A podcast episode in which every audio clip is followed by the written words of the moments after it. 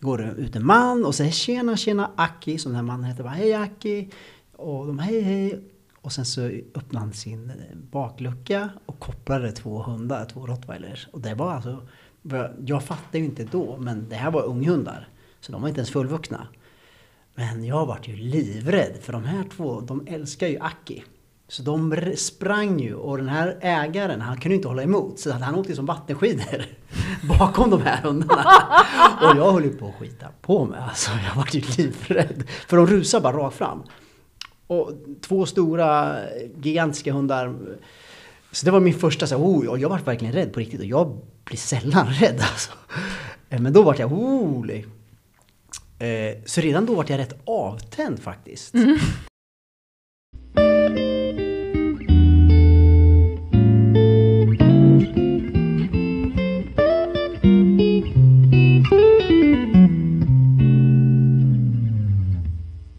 Välkomna tillbaka till Valpkonsultpodden. Det är jag som är valpkonsulten och jag heter Petra Harvankova.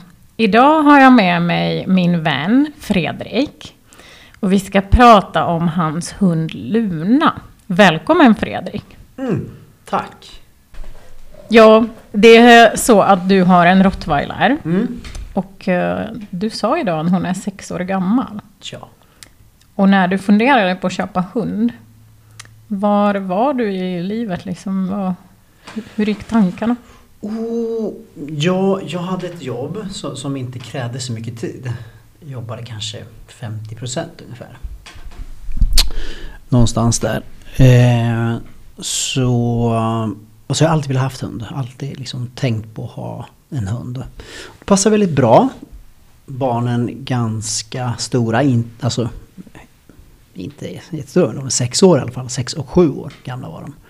Så att de var inte pyttesmå. Så att de började ta mindre tid, mindre tension liksom. Så... Kändes bra. Kände mig redo. Var hon din första hund? Ja, ja, det var min första hund. Yes, det var hon. Ja. Och hur blev det att du valde en rottweiler liksom? Eh, vi kollade runt, kollade på... Jag vill ha en stor hund, det visste jag. Så kolla på golden retriever. Vi kollade på de hundarna vi tyckte var söta egentligen. Det var liksom så vi började.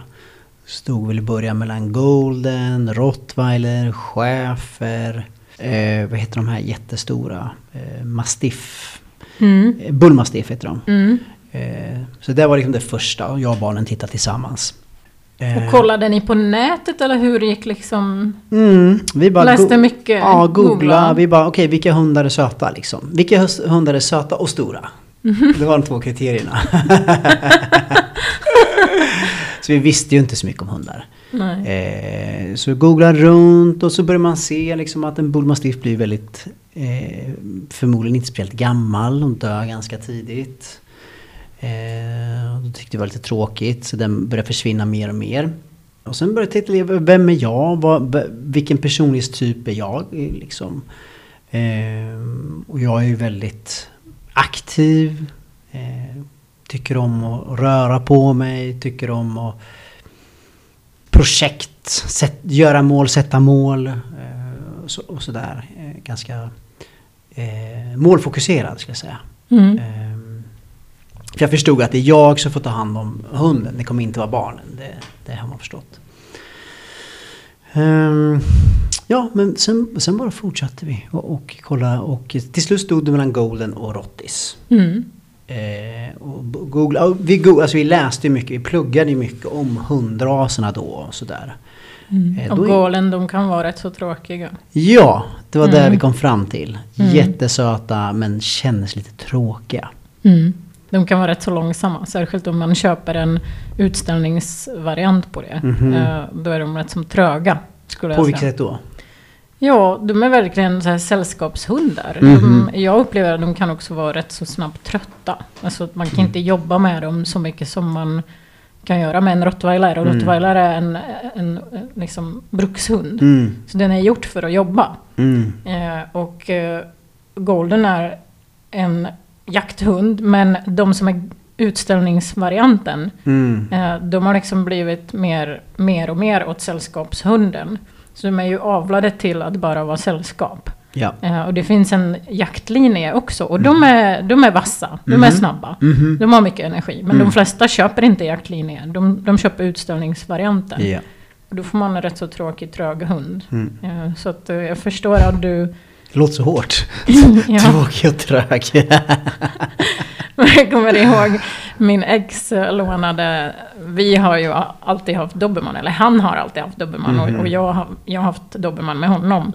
Och han lånade hundarna från vår granne och skulle springa med dem och det gick inte.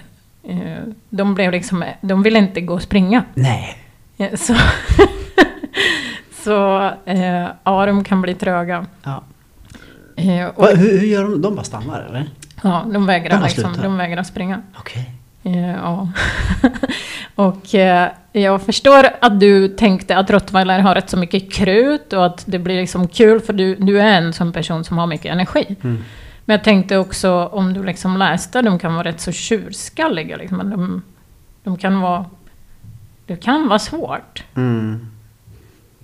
Ja, absolut. Eh, jag förstod att det skulle bli en utmaning. Mm. Eh, det, gjorde, det, det, det förstod jag, men det var det jag ville ha också. För jag...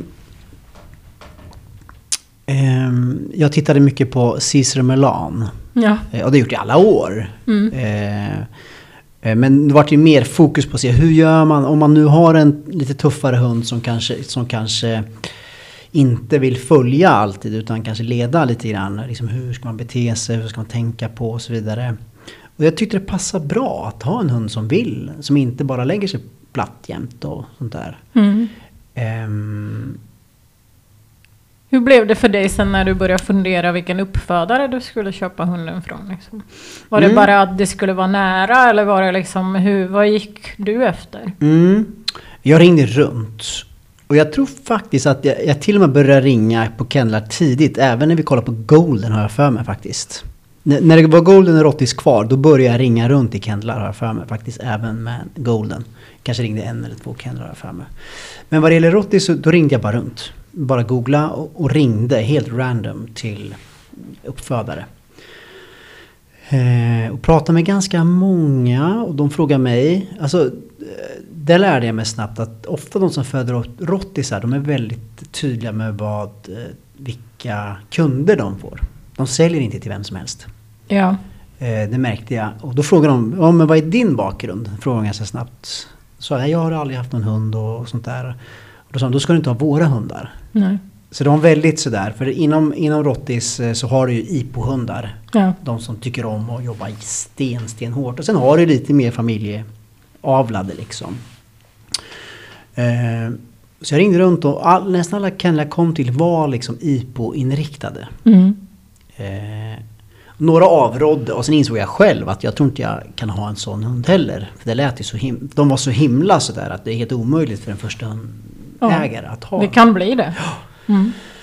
Så att, eh, men då var det faktiskt en som rekommenderade en kennel som han visste avlar lite mer familje, liksom, inriktat. Som, som tänker till lite grann att, att det ska inte vara det ska helst inte vara två, både hanen och tigen ska in, båda ska inte vara total IPO. Så, Mm. att säga. Eh, så då kom jag till eh, Vargstubacken som de hette. Mhm. Så jag tittade inte på, jag brydde mig inte om jag skulle behöva åka upp. Jag, jag kollade på kennlar ända upp i... alltså- Långt bort i Norrland. Ja, ja, jättehögt upp. Så att, Mm. men, och den här låg då i Sala, Ja. nära Västerås. Mm. Och sen var du liksom, blev du delaktig att välja din hund eller hur gick det till när du skulle, hur ofta var du där eller åkte du där bara en gång? Mm. Om jag kommer ihåg det här rätt, nu är ju det här sju år sedan måste det nästan vara, sex, sju år sedan. Eh, då... Just det, de bjöd in mig på hundträffar. Så de bjöd in mig först. Ja, när de hade hundträffar med sina före detta kullar yes. Mm. Yes. Så ja, det har jag helt glömt bort. För då bjöd de in mig på deras hundträff. Eh, på, en, eh, på ett sånt här, vad kallas det? Där man springer Ja. och hoppar över hinder och sånt där. Ja, med, med alla, liksom alla från en kull som de Ja. hade tidigare, Mm. som en valpträff. Ja, en val, Mm. riktig valpträff. Och då kommer jag ihåg att eh, jag träffade mannen som äger kenneln. Det var en man och en kvinna som äger den. Och eh, vi var utanför den här gården där alla hundarna var. Och vi stod och pratade. Och då kommer en bil. Och ur bilen så eh, eh, går det ut en man och säger tjena tjena Aki som den här mannen heter. Bara, hej Aki. Och de hej hej. Och sen så öppnade han sin eh, baklucka och kopplade två hundar, två rottweilers. Och det var alltså, jag fattade ju inte då, men det här var unghundar. Så de var inte ens fullvuxna. Men jag vart ju livrädd för de här två, de älskar ju Aki. Så de sprang ju och den här ägaren han kunde inte hålla emot så han åkte som vattenskidor bakom de här hundarna. Och jag höll ju på att skita på mig alltså. Jag var ju livrädd. För de rusade bara rakt fram. Och två stora gigantiska hundar. Så det var min första så oh, och jag var verkligen rädd på riktigt och jag blir sällan rädd alltså. Men då var jag oh, Så redan då var jag rätt avtänd faktiskt. Mm. Eh, jag bara shit, det här kommer inte... Ja, och så stod vi och pratade där. De var ju snälla, de, de var ju inte alls arga eller något sånt där. Men, men det var fortfarande, jag var så rädd så att... Så att eh, eh, och sen så försvinner de och då säger han nu ska du få träffa, just det, så här var det. Kullen var redan på gång tror jag, så var det ja. De var redan parade. Nu ska du få träffa pappan, om du nu ska ha en hund av den här kullen. Nu ska du få träffa pappan. Och den här pappan var ju gigantisk. Mm. Och totalt sjövild. Hade ingen uppfostran överhuvudtaget. Mm. Härligt! och, den här, och Aki då är ju så van med hundar. Och, och så han tänkte ju inte på att jag inte hade någon erfarenhet. Och, hundar hoppade upp på mig och allt. Så jag vart ju, alltså jag vart ju totalt, jag, bara, jag bestämde mig i princip då att jag ska inte ha en rottweiler. på riktigt! Jag bara Jesus Christ, vad är det här för hundar liksom? Eh, för hunden var från eh, de hade, den hade, de hade, det, var, det var någonstans, den kom från eh, södra Europa eller något sånt där. Mm. Och hade, haft, hade haft, varit i en kennel, den hade inte den här mänskliga närheten liksom. Mm. Jättesnäll och så men totalt ouppfostrad. Eh, det som hände dock det var att under dagen, för jag var där i 8-9 timmar under hela dagen, så vart jag mer och mer förälskad i de här hundarna. De var helt magiska. Men de är väldigt, man blir, de är så stora och så, eh, vad säger man, eh, skräckenjagande på något sätt, deras utseende. Men när man väl lär känna dem. Och det kom fram folk, vem är du? Och de var så himla trevliga. Och det kom valpar och det kom stora hundar och... Ehm, och jag varit introducerad till hundarna och liksom... Så jag varit mer och mer förälskad. Och, och efter, när det hade gått fram på kvällen, då hade jag bestämt mig. Jag ska ha en av de här hundarna. det var liksom kärlek. Mm. Spännande. Mm. Kul också. Från att vara helt skrämd till ja. att uh, bli förälskad på åtta timmar. Ja, mm. yes. Så sen eh, fick du en hund från den kullen som den här vilda pappan uh, var ja, pappan till kullen. Yes, och då var ju pappan var ju i, alltså han var ju hög, hög enormt högenergisk eh, medan mamman var superlugn. Mm. Det var så Kenneth tänkte då, att vi, vi mixar de här två så att vi får det lite mer om jag kommer ihåg det rätt, jag var ingen expert på den tiden. Eh, det var ungefär så de tänkte, tror jag. Eh, och eh, jo, men jag fick, jag fick då och, och, och sen kom jag att jag tror det var en lista. Liksom, du är etta och du är två. Du, du kommer följa först, du kommer vara två och du kommer vara tre. För man får välja sin egen valp då. Mm. Men jag, hur gick det till? Alltså, fick du välja valpen på något vis eller? Ja, om jag kommer ihåg det här rätt. Eh, så har jag för mig det. Så att när de väl föddes så fick vi komma och träffa, jag och barnen, fick komma och träffa mamman och valparna. Och eh, då har jag, men jag frågade faktiskt dem, eftersom jag var så oerfaren. Så frågade jag, liksom, för vi vill ha en lugn eftersom jag var så uppskrämd av alla de här andra eh, kennlarna om IPO. Ja. I efterhand ska jag säga att det var extremt överdrivet kan jag säga. Vadå, din rädsla var överdrivet eller? Nej, deras... Eh, den, den är två hundarna som var lite... Nej, nej, vi pratar om de här kennlarna som jag ringde runt till. Ja. Det var väldigt över... Alltså efterhand har jag insett att så hårt är inte. Alltså, bara för att de är IPO-inriktade så du kan absolut, om du bara är en person som är bestämd på din sak så kan du absolut ta hand om en sån hund. Liksom. Ja. Eh, ja, det kräver väldigt mycket engagemang. Ja, det gör det ju. Alltså jag har också varit en så här, vuxen människa som har en dobermann Mm. som inte heller första, hund, eh, första ägaren, hund liksom, första Mm. hundägaren. Men jag har ändå haft det i och för sig tillsammans med min ex som Mm. var erfaren. Men jag har haft massa hundar innan men inga brukshundar. Så, Mhm. men det blev ändå superfina hundar. Mm. Och de hade också väldigt mycket krut. Mm. Men de blev väldigt fina, väluppfostrade och liksom, ja, Mm. fina hundar. Mm. Så att jag håller med. Att det är inte alltid man måste ha massa med erfarenhet med Nej. brukshund för att få det att funka. Men man måste ju jobba med hundarna. Ja. Måste göra någonting med dem Ja. hela tiden. Ja. Så. Så man- får nog titta på sin egen personlighet. För, för det är ingenting man bara kan förändra. Är du inte en aktiv person, då är det förmodligen inte rätt. För du kan ju inte bara bli en annan människa. Ja, exakt. Precis. Det, det, så att, så jag, jag tror man får gå på sin egen personlighetstyp. Ja. Eh, Så. Ja, men vi pratar om Fredriks eh, hund Mm. som heter Luna. Som är en sexårig rottweiler. Eh, hur det gick till när han höll på att välja den. Men då tänker jag att då, du sa ju att om du kommer ihåg rätt så fick du välja. Ja. Och så sa du att du skulle vilja ha en som var lite lugn. Mm. En valp som var lite lugn. Mm. Hur blev det då? Det var ju så att eh, eftersom jag hade blivit lite uppskrämd av alla de här andra kennlarna. Så då sa jag till den här kenneln att ni får gärna vara med och välja åt mig. Liksom, för ni har ju sett de här hundarna hela tiden och så vidare. Och jag skulle vilja ha den, lugn, den lugnaste i kullen. Eh, eh, ungefär så har jag för mig att jag sa. Eh, och det var så roligt för när jag var där och tittade, vi var där en hel dag och tittade på de här valparna. Då såg jag en, jag kommer inte ihåg vilken fett, hon hade rosa band runt sin hals för de hade ju sån här Band, ja. då hade du en av de här, hon var, hon var lite mindre än de andra, men hon var jäkligt kaxig. Och, och, och liksom la ner de andra hela tiden, hopp, även om de var pyttesmå liksom. Och då sa de så, ja men vi tror den här rosa. Jag, både jag och barnen säger jaha, okej. så här. För då, tänk, då tänkte vi så ja men det kanske var den dagen hon var lite hetare än normalt. Eh, så jag vet inte riktigt. Eh, eh, för det vi insåg sen är ju att hon är superalfa. Eh, våran, eh, för våran hund har sen träffat de andra i kull, kullen och hon total eh, dominerar dem. Mm. Alltså hon säger åt dem på skarpen. Och, och, så att hon, hon är väldigt sådär att vill, hon vill vara alfa. Mm.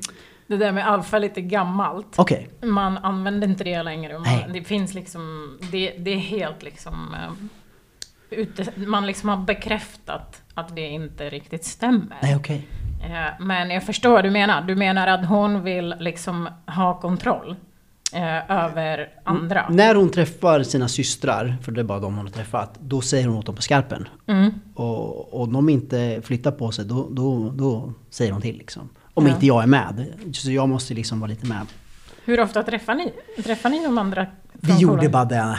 Jag kanske, vi kanske har träffats tre gånger bara, så att det inte... Mm. Det har inte varit så mycket. Mm. Men har du haft liksom utmaningar från början? Jag tänker så här, när du sa till dem att jag vill ha en lugn valp Mm. och sen de tänkte, ja men den här med rosa banden. Mhm. Var det liksom så här, var det för att du var så här ny på att skaffa hund, Mm. så tänkte du, ja men jag får väl inte tjafsa, jag får väl ta den här hunden. Ja.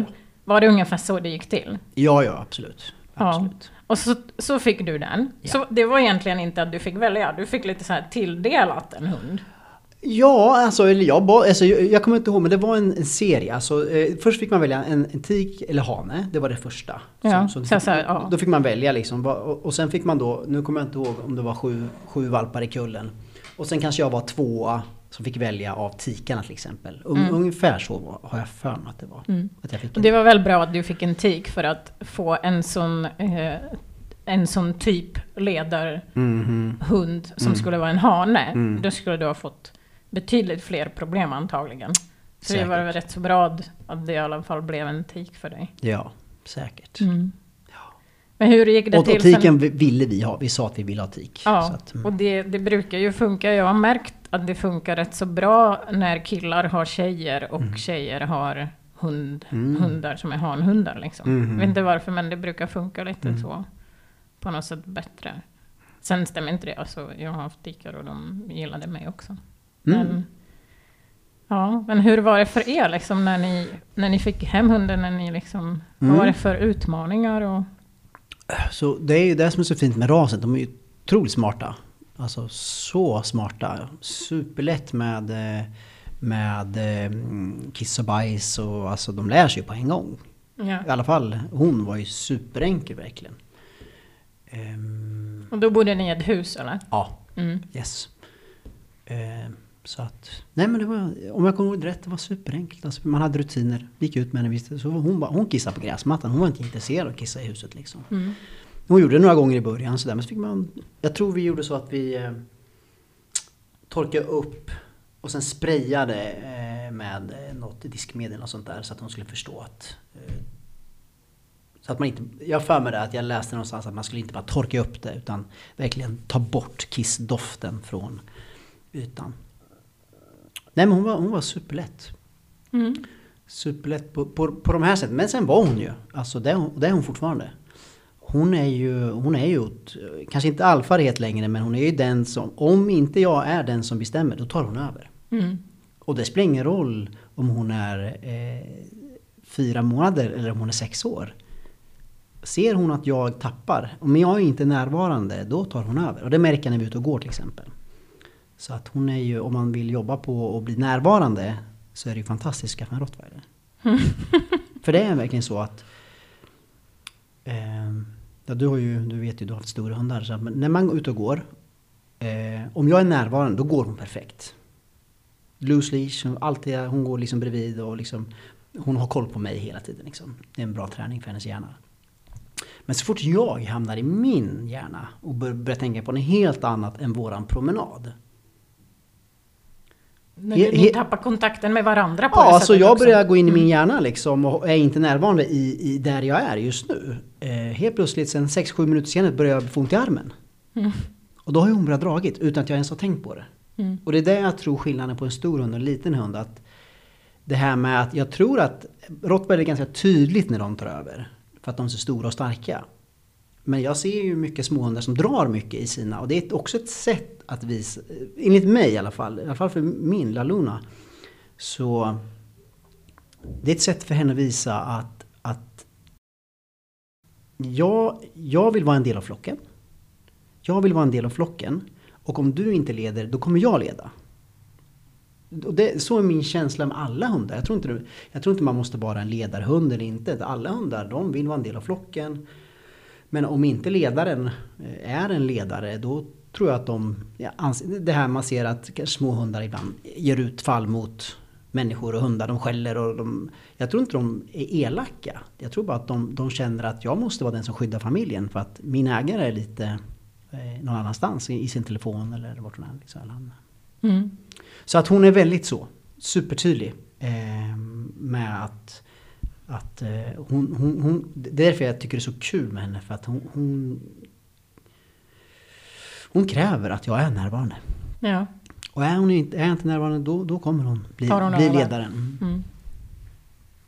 Men fick du i början, eh, alltså första året eller halvåret, Mm. fick du liksom klura ut allting själv, hur man ska göra, eller tog du hjälp? Fick du hjälp av uppfödaren eller tog du hjälp av någon eh, professionell hundtränare? Ja, jag läste, jag, jag, vi gjorde ju så mycket research och jag insåg snabbt att jag vill inte vara en som ger godis, treats. Jag vill inte, eh, för jag har insett att om det smäller, då kommer treats vara värdelösa.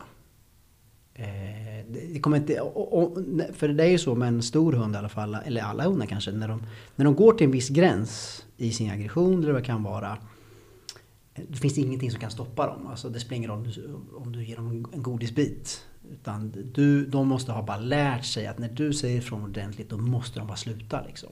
Och det finns inget godis i världen som kan stoppa det. För just de, de, är, de är stora och kraftiga, de kan döda en liten hund på en sekund egentligen. Liksom. Det kan gå så snabbt. Ja.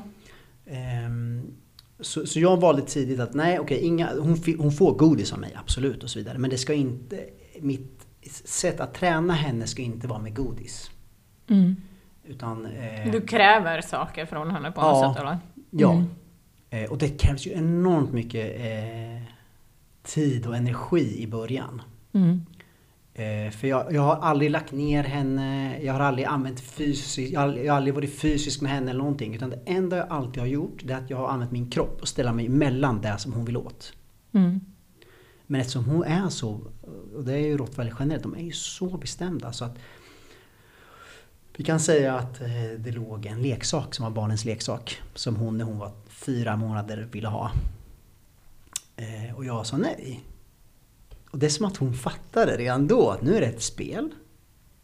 Han vill inte att jag ska ha den här men jag bestämmer så jag vill ha den här. Mm. Så då stod jag, ställde jag mig bara framför leksaken. Och så gick hon åt vänster, då gick jag åt vänster. Och så gick hon åt höger, då gick jag åt höger. Det är maktspel nästan. Ja, det ja, ja, oh ja. Mm. Ja, 110 procent. Och det kan ju ta 40-50 minuter med en leksak. Mm. Men du gav det inte och sen all- hon, all- du gav det inte och hon till slut fattar liksom Ja. att det är du som har så här, kontroll över resurser och Ja. saker. Mm. Ja. Nej, det, det, och då lärde mig också att du får aldrig ge dig. Alltså ever, ever, ever liksom när det gäller sånt. Eh, för då kommer hon lära sig att han ger sig till slut. Mm. Speciellt när man är så tydlig som hon.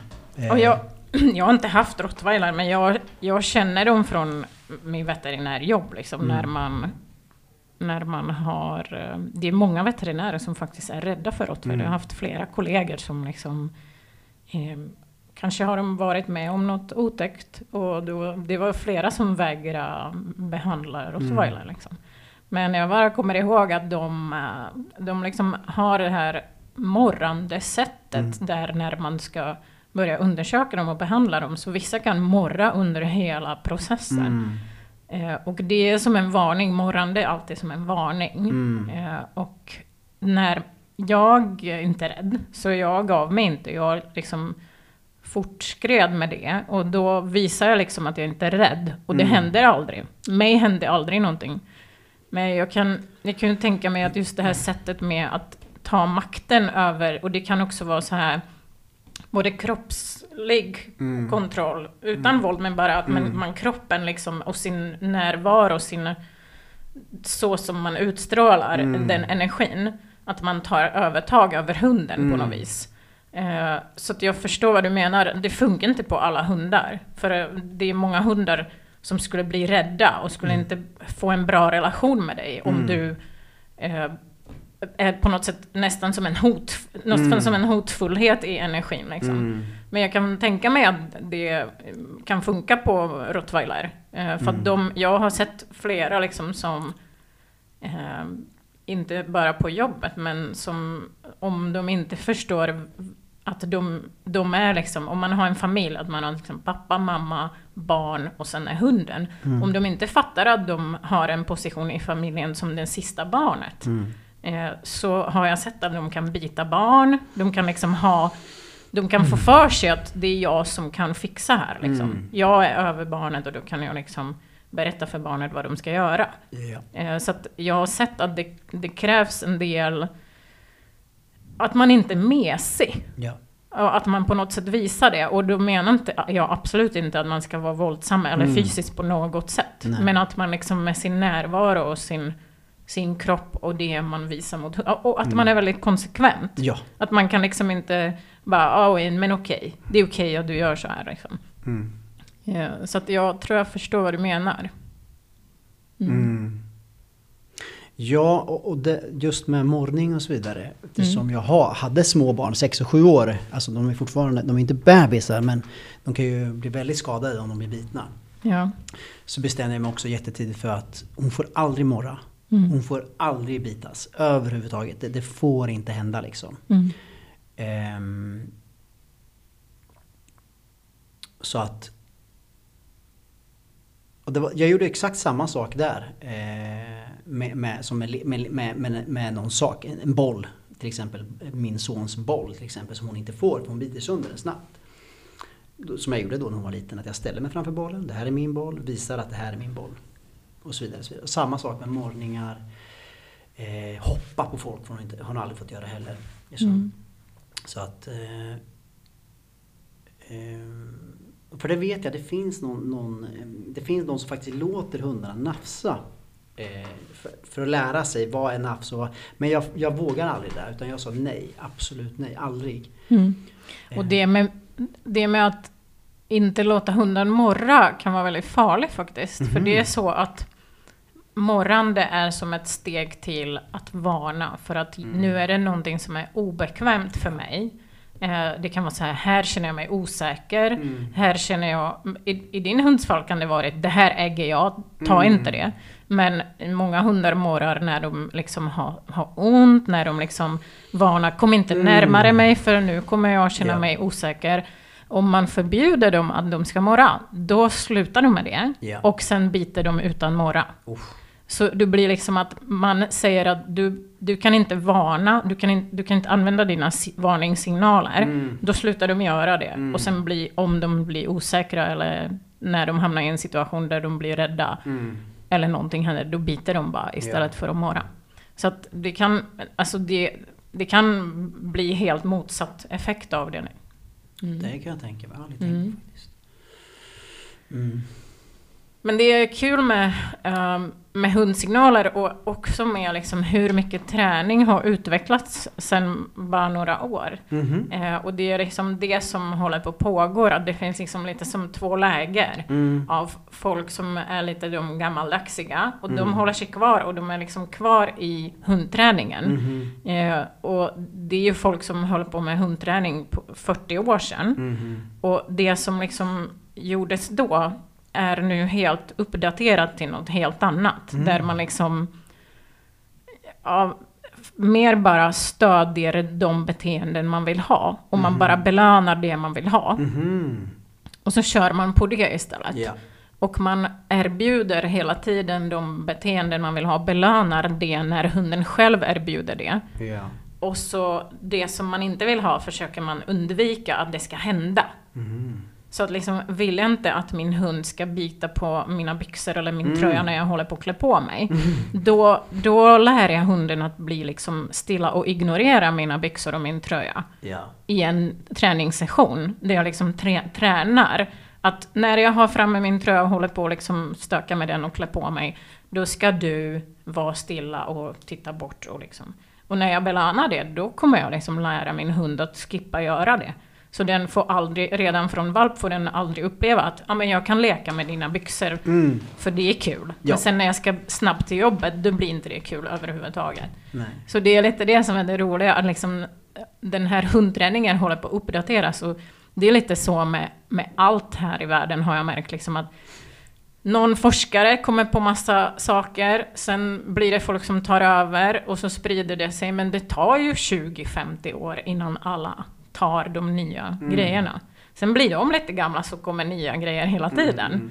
Eh, Så det tar alltid en stund, men det är på rätt väg tror jag. Mm. Mm. Men vad var det bästa med liksom, den här första perioden? Vad, eller vad, vad var så här, när du hade inte hund och sen fick du hund, Mm. vad var det så här, vad var det bästa?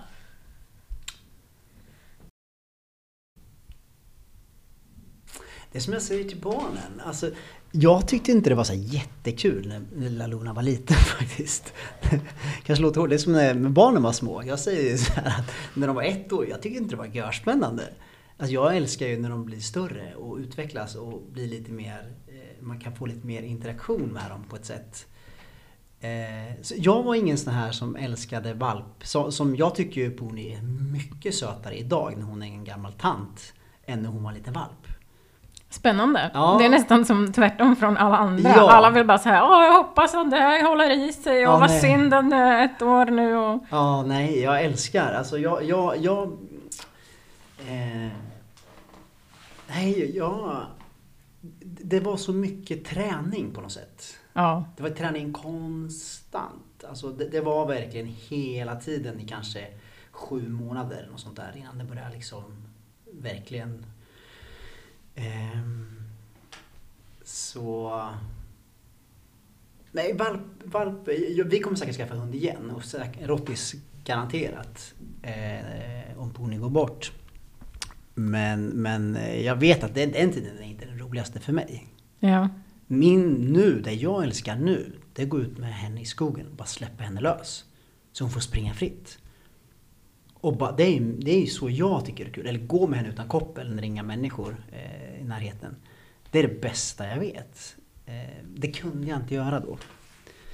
När hon var liten. Nej, det, liksom, det, det, gick, hon, det, det gick inte. Det var, Det, Och ble, hon blev också mycket lugnare med tiden, eller är det så? Alltså, för det var så på mina hundar. Som, Ja. alltså, jag skulle nog nästan med säkerhet säga att dobermann har ännu mer energi än en rottweiler. Mm. dubbelt så mycket energi. Eh, Kanske tre gånger, för jag har träffat rottweiler som är rätt så tröga jämfört Ja. med mina hundar. Liksom. Eh, Men de blev, efter de fyllde fyra, så Mm. blev det stor skillnad på att de liksom lugnade ner sig lite grann. Mm. Märkte du också det? Att liksom efter en Hon tre, har- fyra... Ja, hon har lugnat ner sig. Men eftersom hon är som sin pappa. Hon fick mycket av det här hög, hög, hög energin. Eh, så hon är fortfarande super... Det är som att hon har ju fått val- valpar nu. Så hon har en, en, en dotter som är... Fyllt tre i år blir det va? Tror jag. Om jag tänker rätt. Eh, och hon är jättetråkig. Mm. Alltså jämfört med La Luna så är det... Hon är jätte... Det är som med min son är, älskar ju... Så min son och La Luna har ju brottats. Och brottats fort. De, det är det bästa de vet. Alltså de kör hårt. Och då morrar hon. Och det här. Men jag hör, man hör skillnad på morr och morr. Ja, Eh, såklart. Ja, ja. Eh, Så att de, de håller på, de är så intensiva. Eh, Så när Maximilian då, min son, träffar dottern, han bara, det här är jättetråkigt. Alltså det är, det är en enorm, så att trots att hon är sex så har hon nog tre gånger så mycket energi som sin dotter. Mm. det, det, Hon fick det från pappan, ja. ja. Mm. Yes. Men vad var, vad var jobbigast? Jag tänker när du, när du sa till uppfödaren att du skulle vilja ha en lugn, lugn, Mm. lugn hund och så fick du den med rosa Ja. band och så Ja. visade sig inte vara den lugnaste hunden. Eh, nummer ett så tror jag att alla de i kullen, i alla fall eh, tikarna, hög energi. Ja. Så att ingen var lugn tror jag inte. Eh, De var nog väldigt full fart på allihopa. Hanarna vet jag inte men. Eh, Så att det hade nog inte blivit jättestor skillnad. Men som jag sa, det jag märker är att hon vill vara, vet jag inte vilket ord jag ska använda, men dominant. Eller vad, vad är det man säger? Den som bestämmer över alla andra hundar. Ja, Eh, Det, det märker man tydligt. Hon, hon ska bestämma över systrarna, så är det bara. De har ingenting. jag tänker att man kan använda, just att den dominant skulle jag kunna använda liksom. Det ordet, Ja. för då, då förstår vi lite vad, vi menar. Ja. Absolut. Ja, ja Mm. precis. Så hon vill vara den som, som, som bestämmer över andra hundar. Eh, alltid. Så att eh, Mm. oavsett om det är systrarna eller inte, hon vill vara den som bestämmer. Så att det är ju jätteviktigt eh, när vi träffar andra hundar att jag är väldigt närvarande. Mm. För den andra hunden kanske inte lägger sig. Det kanske inte är den som böjer sig och då blir det tufft. Så att då måste jag ju vara med. Och det är det jag menar med godis. Det är därför jag inte vill ha treats. För det spelar ingen roll om jag har en liten godisbit då när det smäller. Det kan jag säga. Utan- Du menar att hon skiter i om du har en godis, hon vill ändå gå och dominera över, över Ja, det, det vill hon liksom. alltid göra. Mm. Så att direkt när jag märker att hej, hej, så här direkt, då vet hon och då backar hon. Men jag måste vara med. Mm. För om jag inte skulle vara med, då skulle hon ju sätta, försöka sätta sig på den andra hunden. Eller vara den som är Ja. ledaren eller den som bestämmer över den andra hunden. Så det är ofta så när man träffar nio hundar så är det ju någon som ska som är den som är, är lite ledare. Mm. Ehm, och om den andra, och de flesta hundar eh, böjer sig för henne. Mm. Säger ja men okej du kan vara ledaren, det är helt okej liksom. Men ibland gör de ju inte det. Mm. Kanske annan som är som hon, som är, vill vara den som Mm. bestämmer. Och då blir det bråk. Och då måste jag ju vara med. Och står jag då och snackar med någon hundägare då kommer inte en godisbit hjälpa en millimeter, det kan jag säga. Utan det, då måste hon höra min röst. Mm.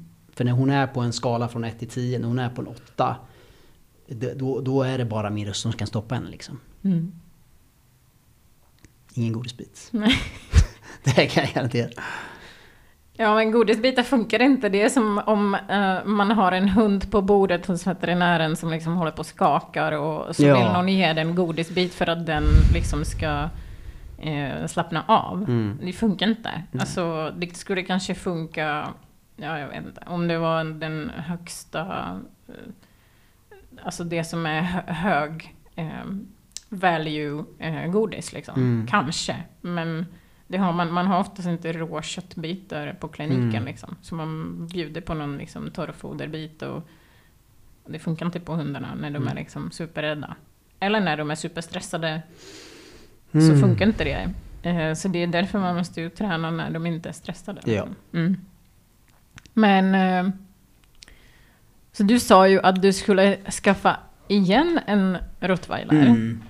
Så du blev så frälst på att ha en rottweiler? Ja, ja, ja. Mm. ja. Kanske Det är låter- rätt intressant. Kanske låter lite tokig, men det, alltså så här lite, vad säger man, lite frälst. Ja. Men eh, ja, ja, för mig, sen, nej, det finns ingen annan hundras. Ja, vad roligt. Det, det är så liksom. Det finns hundägare som när de har en ras så blir de bara förälskade i den rasen och så vill de inte ha någon annan ras. Mm. Så finns det andra som bara vill byta och testa olika liksom. Mm. Mm. Och om vi skaffar en till, då kommer det nog bli en, alltså då kommer jag gå till en IPO eh, kennel som, som, som avlar sådana Mm. hundar. Absolut. För att få mycket energi. Ja, så den stora risken är att man får en, en eh, lite tråkig som Lunas dotter. Dotter, mm. Den vill jag inte, det är så, så att får jag bara en pony så är jag jättenöjd. Får jag bara som La Luna så är jag jättenöjd. Men, men risken om du går till en, en kennel som avlar lite lugnare, då kanske man inte får Ja. den. Men jag tror att sannolikheten är väldigt hög om du går till någon som, som avlar på IPO. Liksom. Ja. Men har du någonsin haft ambitioner att träna IPO också? Eller är det mer för att du vill åt den här personligheten med Mm. hög energihund? Liksom? Hög energi och jag vill ha någon som håller koll på mig. Som, som håller mig i schakt. Det, är alltså, det, så mycket hon har hjälpt mig i allt. Min, mina affärer, allt jag gör. Eh, Med barnen. För är man inte närvarande går det inget bra liksom. Ja. Så att hon håller mig på tå hela tiden. Mm. Eh, Så att... eh, Spännande. Eh, Så, så det är en sån hund jag vill ha helt enkelt som, som är. För, för vi tränar inte. Alltså vi gör inte, inga IPO-träningar, ingenting sånt. Faktiskt. Utan Ni är mycket i skogen. mycket skogen och, och så fort det blir vår så simmar vi. Hon simmar väldigt mycket. Mm, Hon gillar vatten. Mm. Hon älskar vatten. Så att eh, skogen och det. Och sen, sen självklart när vi går promenader med koppel så blir det träning i sig. Mm. Att vara närvarande eftersom jag kör ju den här loose leash metoden att kopplet ska vara löst. Mm. Och det gör ju att hon får jobba hela tiden liksom. Hålla koll. Mm. Så, sen kör vi, jo, vi kör, jo men det gör vi, vi. Vi kör sök, det gör vi. Vi kör sök. Vi har faktiskt helt tagit bort det här med attack och vakt. Har vi tagit bort helt. För hon är så vaktig i, i sig. Så det känner vi att det behöver vi inte uppmuntra. Mm. Men det, det är kul. Och det förstår jag liksom. Det är lite det man... Det är det här, vilket syfte köper jag min hund? Mm. Och då, då utifrån dens personlighet kan man liksom välja att få bort en del av Mm. egenskaper som man ser i hunden genom Mm. att inte uppmuntra till det. Mm. Eller liksom, som jag med mina hundar, de hade kunnat jaga, nu har inte dobermann så mycket jaktinstinkt i sig, men om jag hade varje gång jag träffat en, ett rådjur i skogen Mm. sagt ”Titta, titta, rådjur, rådjur”, Mm, mm, mm. då hade de börjat jaga. Mm. Men jag gjorde precis tvärtom. Mm. Jag vände mig så Mm. att de aldrig fick se ett rådjur. Mm. Så då blev de helt ointresserade av det. Och, och bara när vi sen såg rådjur när de var vuxna, då stod de bara helt stilla och bara ”Jaha, vad är det där?” liksom. Eh, Så det är liksom det man kan göra, man kan forma hundarna. Vi Mm. får dem så som de är och sen formar vi dem utifrån den miljön de växer upp, så som vi vill ha dem. Liksom. Mm. Ja, verkligen. Mm. Mm. Ja, är det någonting som vi inte har pratat om som vi skulle prata om?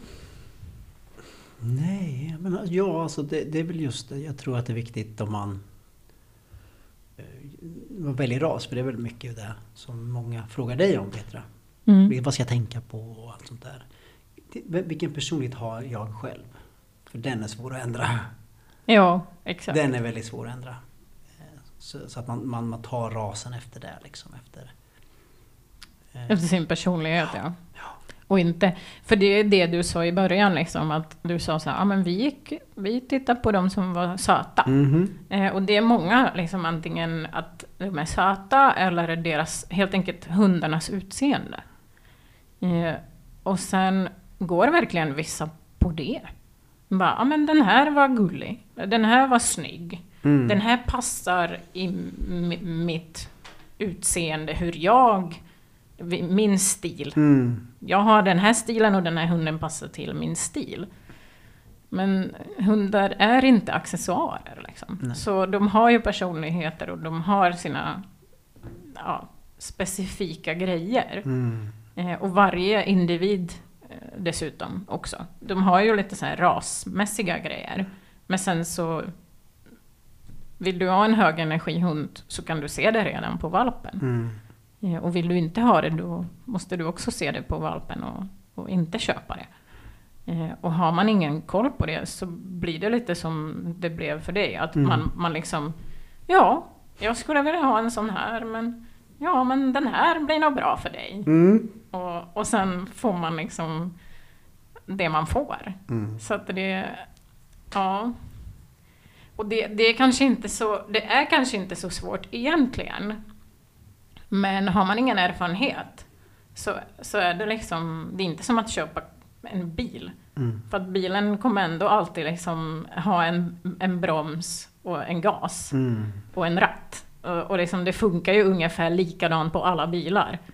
Men hundar är levande varelser, så de har ju en spann av olika personligheter. Mm. Och sen också när man liksom, det, jag tror den värsta varianten är när man är helt ny, man får en fel hund Mm. och så vet man inte riktigt vad man ska göra och tar liksom hjälp av någon som inte heller vet vad de ska Mm. göra. Och Sen blir det liksom en pannkaka på pannkaka som blir svår att lösa. Yes, Mm. verkligen. Mm. Men det var jättekul att prata om Luna. Mm. Jag har inte träffat henne men jag hade gärna velat göra det. Mm. Får träffas i sommar här med. Ja. Mm. Mm. Det var också kul att prata med dig. Jättekul att vara här. Ja. Tack att du var här. Mm. Kul. Mm. Ja, nej men eh, om ni tyckte om det här och om ni tycker att eh, det jag pratar om och jag pratar om med mina gäster är bra så tycker jag att ni ska klicka på den lilla klockikonen inne på Spotify så får ni prenumerera på att få nya notiser om nya avsnitt. Ni får också gärna rita podden, alltså gå in och skriva vad ni tyckte. Och ni kan också komma i kontakt med mig på Instagram, där jag är valpkonsulten. Eller på Facebook, där jag är valpkonsultpodden. Och eh, ja, kom i kontakt med mig. Skriv, skicka DM, vad vill ni höra om och vilka gäster ni vill ha här. Jag planerar nu i framtiden rätt så många olika gäster. Jag ska prata med en kille som är representant för ett företag som har tagit fram ett eh, test där man kan testa sig själv om man är allergisk. Eh, det finns olika hundallergener, så man kan testa sig själv vilken av de allergener man är allergisk till. Så det kommer här snart och jag ska också prata med en kille som bor i Tyskland som har utvecklat en app där man kan planera mat för sin hund. Så man kan ge sin hund riktig mat och då är det en AI som räknar ut exakt vilka ingredienser man ska ha i maten. Och sen bara väger man upp det och lägger in det i skålen. Så honom ska jag prata med också snart. Så det här är planerat. Ni får gärna komma med mer förslag. Ni kan också kontakta mig på min webbsida www.valpkonsulten.com. Ja, tack för idag. Tack för att ni lyssnar, tack för att ni stödjer mig och kommenterar. Hopp och lek!